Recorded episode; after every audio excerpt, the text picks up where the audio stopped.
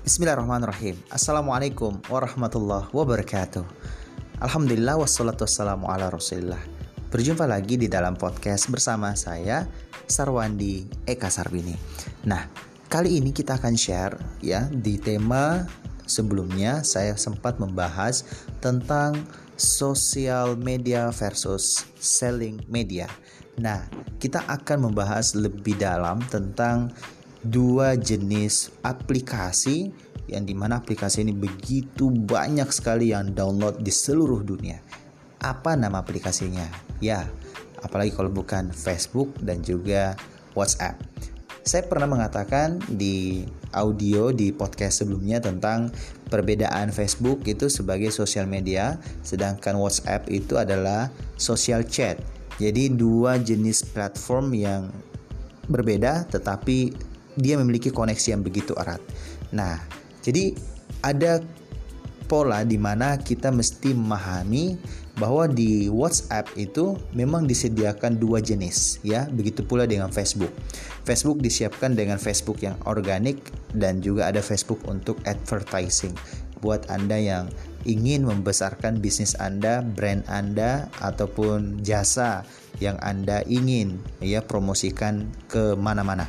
Nah, kalau di WA itu menyediakan dua jenis WA. Nah, dua jenis ini ada yang WhatsApp biasa, ada yang WhatsApp untuk para pebisnis, namanya WA bisnis. Nah, apakah Anda sudah install WA bisnis? Nah, ini kita akan bahas nih ya. Nah, kenapa Facebook sekarang ini lagi buat aturan ya? Saya sudah membahasnya. Ada aturan yang begitu ketat ketika kita jualan, sangat-sangat ketat. Nah, kita coba pelajari tentang kebiasaan Anda update status. pertanyaan adalah, kalau Anda mengupdate status di Facebook ya, di Facebook itu ada teman Anda misalnya ada seribu. Pertanyaan adalah kalau Anda update status, berapa orang yang lihat status Anda?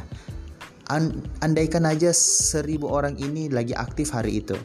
Saya beritahu teman-teman semua, ternyata at rank ada sebuah algoritma dari Facebook itu ternyata tidak sampai lebih dari 4% yang melihat status kita. Nah, ini uh, sebuah kebijakan dari Facebook yang akhirnya memang membuat para pengguna Facebook itu harus diarahkan memang ya diarahkan untuk kalau mau interaksi tinggi mau dapat pembeli banyak ya gunakanlah Facebook advertising karena seribu orang yang lihat cuma sekitar 40 orang gitu.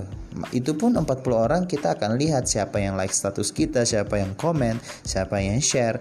Itu kelihatan banget di situ. Nah, maka saya biasa memancing dengan eh, buat status misalnya ya. Contoh, saya tahu teman-teman saya banyak sekali yang muslim. Saya coba memancing aja dengan ucapan doa ya. Assalamualaikum. Lalu saya tulis di bawahnya lagi Assalamualaikum baru spasi ke bawah ya. Dan saya katakan begini, hanya orang spesial yang membalas doa ini di kolom komentar. Dan terbukti memang tidak sampai lebih atau lebih dari 5% yang membalasnya.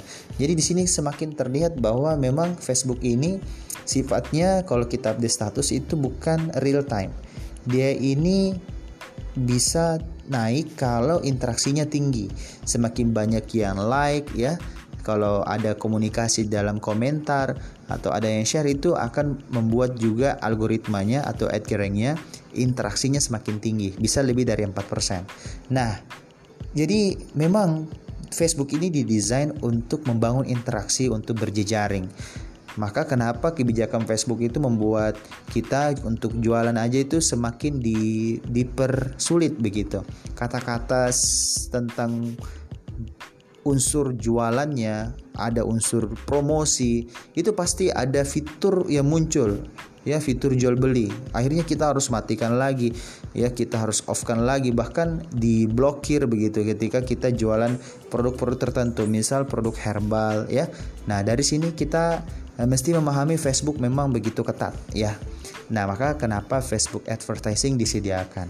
Nah lalu apa uniknya WhatsApp. Kenapa saya membuat tema pada podcast ini Facebook versus WhatsApp. Nah, WhatsApp ini didesain dengan dua jenis ya. ada WhatsApp biasa, ada WhatsApp bisnis. Nah, WhatsApp bisnis ini itu bagus banget teman-teman semua. Di situ sudah ada katalog produk di mana Anda bisa memajang produk Anda itu sudah lengkap untuk menjelaskan detail tentang produk Anda dan dia berbentuk link keren banget. Jadi kalau ada yang bertanya produk apa, kita tinggal kirimkan katalognya. Keren. Dan orang juga yang berteman dengan Anda di WA itu bisa mengunjungi katalog Anda atau toko online Anda di WA dan sudah jelas banget itu keren banget. Nah, terus juga fiturnya di situ bagus. Anda bisa mengoptimalkan ya seluruh ah, fitur-fitur yang Anda bisa isi. Misal email Anda, lalu watch, uh, website Anda. Kalau Anda punya website, Anda bisa tampilkan, keren banget. Dan pastikan juga di mana Anda mengoptimalkan Anda punya profile picture yang bagus. Pastikan wajah Anda di situ yang terpajang bukan wajah orang lain ya. Nah, dari situ sehingga orang tahu begitu. Orang tahu bahwa Anda punya produk. Kalau bisa Anda sambil pegang produk Anda atau Anda punya frame yang di mana frame itu uh, juga bagus banget yang di mana frame itu sudah disiapkan mungkin oleh supplier Anda atau mentor Anda, Anda coba gunakan, lalu Anda mengoptimalkan. Nah, dari situ, buat Anda yang mungkin tidak memajang foto, kami hargai ya, buat para wanita muslimah biasanya itu menghindari itu. Tidak masalah. Anda pajang foto produk, tidak masalah. Itu sudah sangat profesional karena memang Anda mendesain WhatsApp bisnis Anda memang untuk jualan produk. Ya, itu keren. Itu bagus banget. Nah, dari situ Anda harus isi lagi situ fitur-fitur di katalognya. Nah, uniknya ada satu fitur yang paling keren loh di WA itu ya. Kita kadang menggunakan misalnya ya di Instagram itu kan ada IG story. Orang dengan senang memamerkan keseharian dengan memvideokan sesuatu gitu merekam video di mana dia berada lalu tampil lah gitu. Orang-orang teman-temannya followersnya akan lihat. Nah di Instagram itu juga konsepnya bukan real time. Jadi dia tuh muncul sesuai dengan jumlah interaksi ya contoh misalnya ada 10 teman anda nah 10 teman anda itu ternyata ada dua orang yang begitu ingin mengikuti anda nah kalau dia sudah sering mengikuti anda maka dua orang ini setiap buka Instagram atau buka Facebook, maka status Anda yang muncul pertama kali di awal-awal di beranda. Nah, maka itulah kesulitan di Facebook saat ini. Jadi kalau orang sudah dari awal memang tidak pernah like status Anda, tidak pernah komen di status Anda, apalagi share. Nah, maka akan kesulitan banget kita muncul di halaman-halaman pertama pada saat teman Anda buka beranda. Maka kenapa kita harus ada timbal balik? Nah, di mana kita juga harus e, melakukan interaksi dengan status teman Anda seperti Anda like statusnya di Facebook nih ya, di Facebook ya. Anda like statusnya, Anda komen ya, sesekali komen boleh. Like itu kalau bisa Anda rutin lah setiap hari kalau Anda lihat status-status yang positif dan bagus, Anda silakan untuk mereact begitu. Anda like statusnya itu akan membuat status kita juga muncul di beranda mereka di awal-awal ketika mereka buka beranda, buka Facebook. Nah, itu cara membangun interaksi. Nah, tapi itu dia terlalu banyak gitu. Apakah kita mampu untuk like setiap hari begitu? Apakah Anda harus menggunakan autobot begitu? Ah, itu tidak recommended banget karena bisa bisa terjadi banned apa itu banned Anda akan di banned Anda akan dicap ya oleh Facebook Anda menggunakan bot Anda menggunakan robot untuk auto like nah itu sudah gimana gitu ya? Nah jadi memang kita mesti uh, memahami bahwa Facebook memang dianjurkan kita memang rajin interaksi. Makanya kenapa status kita mesti sesuatu yang menginspirasi sehingga status kita itu bisa atau layak untuk share. Kalau bahasanya itu likable.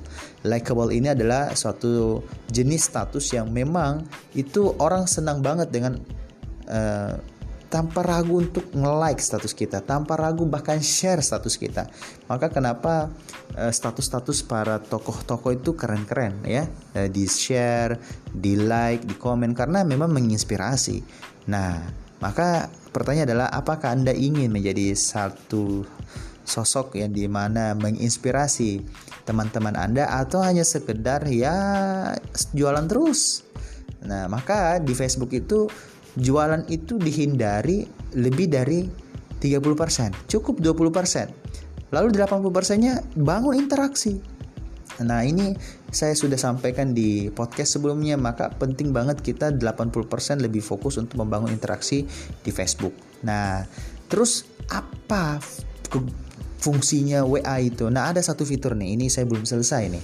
Di WA itu, baik itu WA biasa ataupun WhatsApp bisnis, ini konsepnya real time. Dulu zaman-zaman Twitter kita sering pakai ya. Itu ketika kita bikin tweet begitu, orang yang sedang aktif, contoh di detik itu kita nge-tweet di detik yang sama maka muncul di beranda muncul di halaman pertama. Nah, begitulah konsep real time. Jadi ketika Anda misalnya ya, ada teman Anda 10 orang. 10 orang itu aktif di jam ini, hari ini, pas di saat ini, detik ini. Lalu Anda update status di WA, ada kan WA status, WA story. Anda ngupdate juga di jam yang sama, di detik yang sama. Dan bersamaan orang membuka WA status teman Anda 10 orang itu, maka di waktu yang sama dia langsung lihat status Anda. WA story Anda. Itu berbeda di Facebook. Walau Anda baru saja mengupdate status, belum tentu muncul di beranda teman Anda yang di saat yang sama, di detik yang sama buka Facebook. Belum tentu. Nah, berbeda dengan WA. Inilah konsep real time di WhatsApp Business. Maka kenapa saya menganjurkan tim saya ketika saya membina tim saya untuk update status. Update status rutin setiap hari itu hanya butuh waktu 30 detik. Ya, totalnya itu hanya 90 detik ketika dia melakukan tiga pola mengupdate status. Ada tiga waktu ya. Waktu yang pertama di pagi hari, hanya 30 detik mengupdate status, menggambar apa namanya? mengupdate gambar entah itu testimoni, tools ya nah, di pagi hari satu kali. Lalu satu gambar di siang hari. Lalu satu gambar di malam hari. Kenapa begitu polanya? Nah, gini teman-teman semua. Pagi hari ada memang teman-teman kita yang buka WA itu di pagi hari. Dan tidak semua orang buka WA di pagi hari.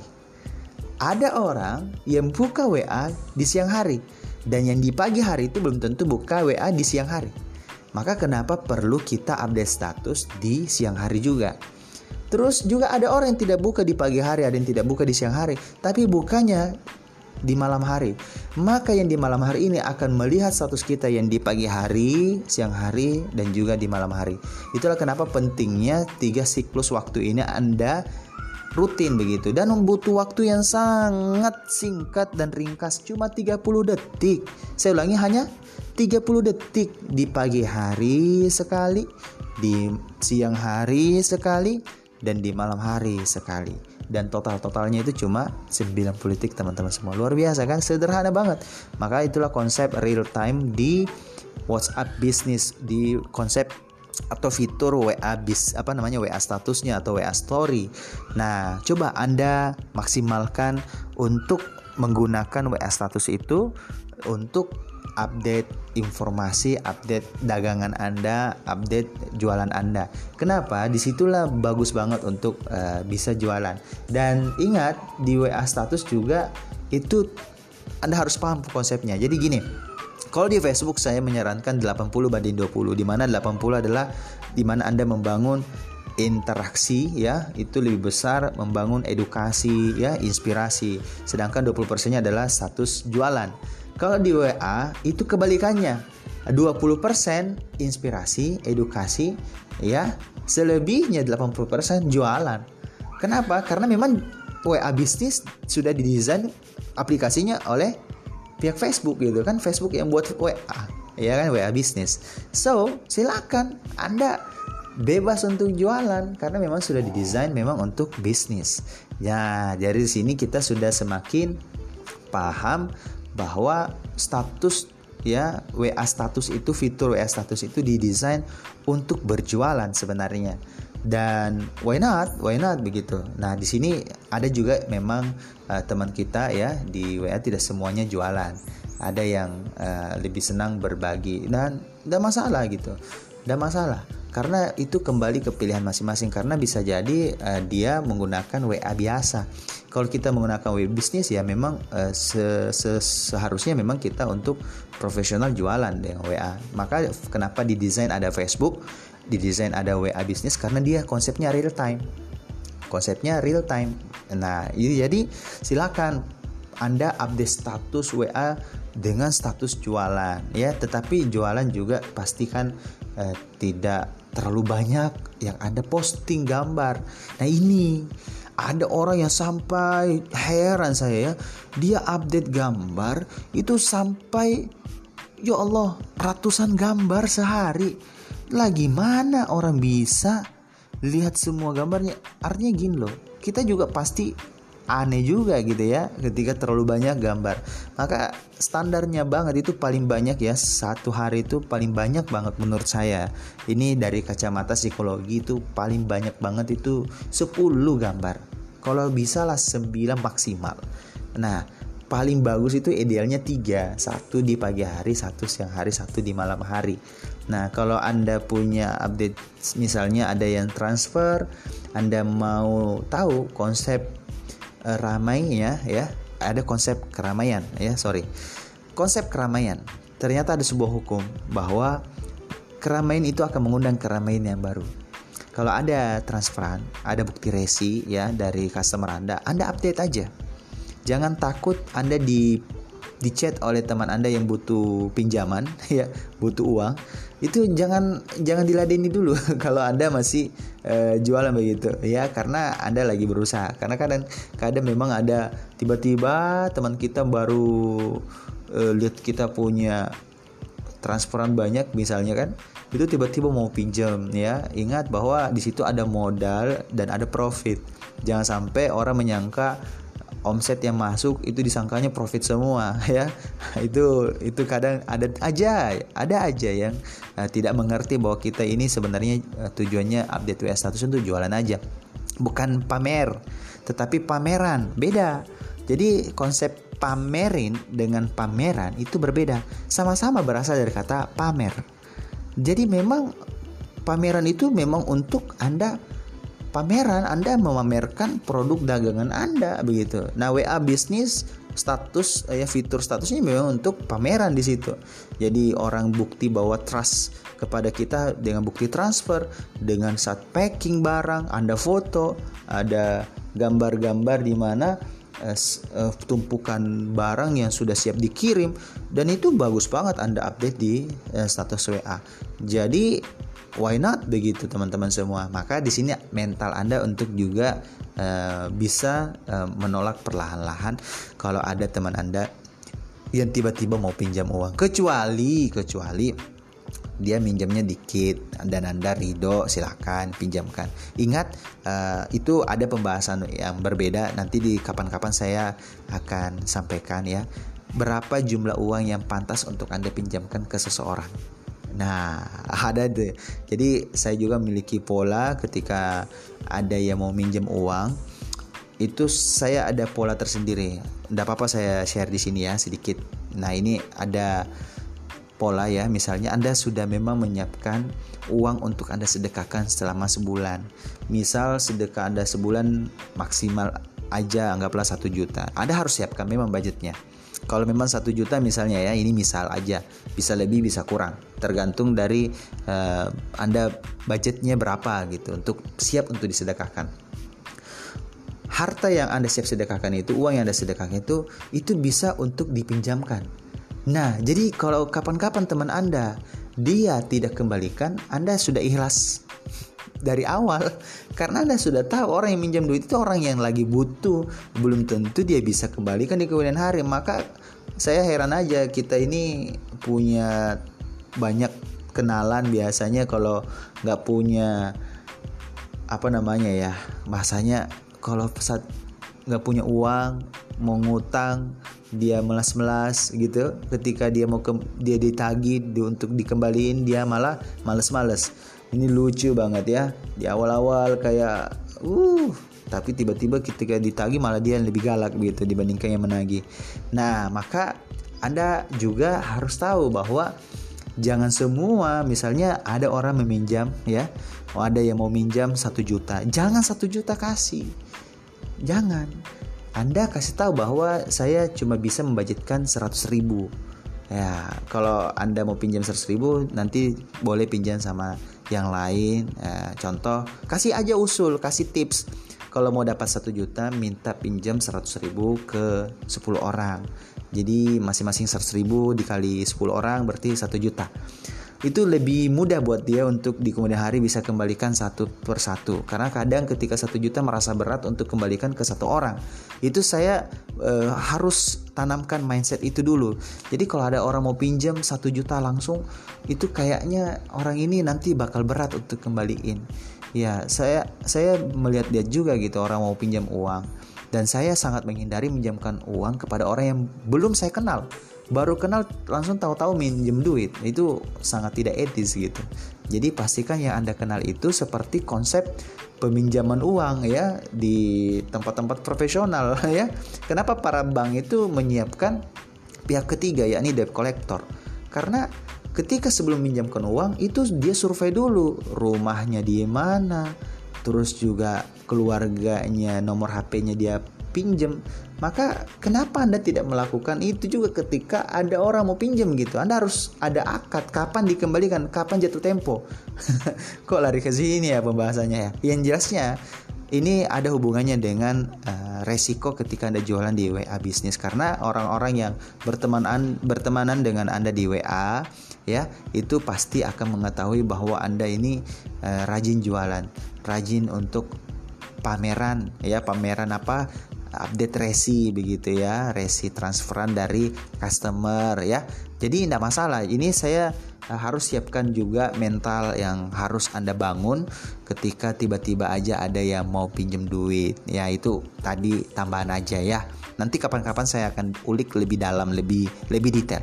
Nah jadi kembali lagi ke tema kita tentang Facebook dan WA jadi WhatsApp itu memang didesain real time. Jadi kenapa perlu kita membiasakan diri, membiasakan diri 30 detik di pagi hari ya 30 detik di siang hari 30 detik di malam hari masing-masing update satu gambar. Ya jadi maksimal banget 9 gambar supaya tidak terlalu menumpuk. Karena orang juga ya nggak kepo banget gitu ya kalau terlalu banyak begitu. Kalau satu dua gambar itu orang pasti kepo. Karena senang untuk menghabiskan. Kan ada itu lingkaran-lingkaran tuh kalau belum habis sampai tiga gambar dia tidak mau sia-siain. Maka ada apa namanya ya orang itu senang untuk uh, kepo kalau dia itu tidak terlalu banyak begitu. Jadi kalau jumlahnya cuma maksimal 9 orang senang untuk lihat ya lihat-lihat. Karena kelihatan tuh siapa yang sering lihat status kita kan? Kan kelihatan tuh ada gambar di bawah itu ketika ingin tahu siapa yang lihat. Semakin jelas bahwa orang itu tetap ada aja yang kepo sama kita yang yang ngejar-ngejar informasi tentang kita. Apalagi kalau sering anda update testimoni ya. Semakin orang semakin terbayang-bayangi tentang produk yang anda jual itu ternyata bermanfaat orang itu kenapa belum mengambil keputusan untuk membeli bukan karena dia itu tidak percaya dengan produk anda ya tetapi dia hanya butuh keyakinan tambahan aja dia sudah percaya dengan Anda. Buktinya dia berteman dengan Anda di WA kan. Nah, tapi kembali lagi, dia butuh social proof. Dia butuh lebih banyak testimoni, lebih banyak orang yang terbukti memakai, terbukti orang beli, terbukti bahwa Anda kirim barangnya. Karena apalagi kalau teman WA Anda, Anda baru aja kenalan di WA, kenalan di Facebook dan berteman di WA dan belum pernah ketemu langsung, maka dari situlah Anda membangun trust membangun trust dengan bukti transfer dari orang dan Anda perlihatkan bahwa Anda mengirim barang ya dan betul-betul real gambar. Jangan sampai ada kopas dari orang. Ya, gambar pengiriman dari orang lain ternyata bukan Anda yang mengirim ya. Bukti resi dari orang lain ternyata bukan bukti resi pengiri apa namanya bukti transfer langsung ke rekening Anda kan lucu. Maka dari sini kita mesti jualan dengan cara yang jujur ya. Jadi dari sini kita semakin paham bahwa WA itu didesain memang cocok banget untuk jualan. Nah, karena memang fitur WA status itu membuat langsung bisa bertanya secara pribadi, chat langsung. Berbeda di Facebook. Di Facebook kalau Anda update begitu, ada yang bertanya harga di komen, Anda kayak nggak enak gitu. Makanya Anda mengatakan cek inbox, cek inbox karena ketika orang sudah tahu harganya, Anda misalnya jawab harga di komentar. Orang-orang yang mau juga tanya harga itu udah tahu harga dan tidak jadi untuk komen. Maka kenapa strategi banyak orang penjual online itu cek inbox cek inbox karena memang untuk mengundang penasaran. Karena kan walaupun di cek inbox kan belum tentu jual beli kan, maka jangan ada juga yang pro kontra memang dengan sistem cek inbox ya. Memang tidak uh, ada yang salah sebenarnya dengan cek inbox. Tapi kalau saya pribadi sih ya, kalau produk itu udah udah dikenal banyak orang, ya langsung aja sampaikan harga kalau uh, sudah banyak yang kenal begitu. Apalagi kalau Anda punya skrip yang menarik dan itu juga akan meyakinkan teman yang lain yang melihat di Facebook Anda lewat komentar dia juga malah yakin untuk membeli. Dan yakin dan percaya teman-teman semua, semakin konsisten Anda untuk membangun interaksi di Facebook 80%, 20%-nya jualan, di WA sebaliknya, maka insya Allah itu adalah sebuah kombinasi yang menarik banget untuk memaksimalkan potensi terbaik dari HP Anda menggunakan Facebook dan WhatsApp. Mudah-mudahan bermanfaat sharing ini ya cukup lama ya luar biasa 26 menit lebih ya. Mudah-mudahan bermanfaat semoga kita bisa dapatkan podcast berikutnya lagi. Uh, mohon doanya semoga bisa berbagi lagi di kemudian hari. Saya Saran Deka Serbini menutup dengan doa. Mari kita sama-sama membaca. Subhanakallahumma bihamdik asyhadu la ilaha illa anta astaghfiruka wa atubu wassalamualaikum warahmatullahi wabarakatuh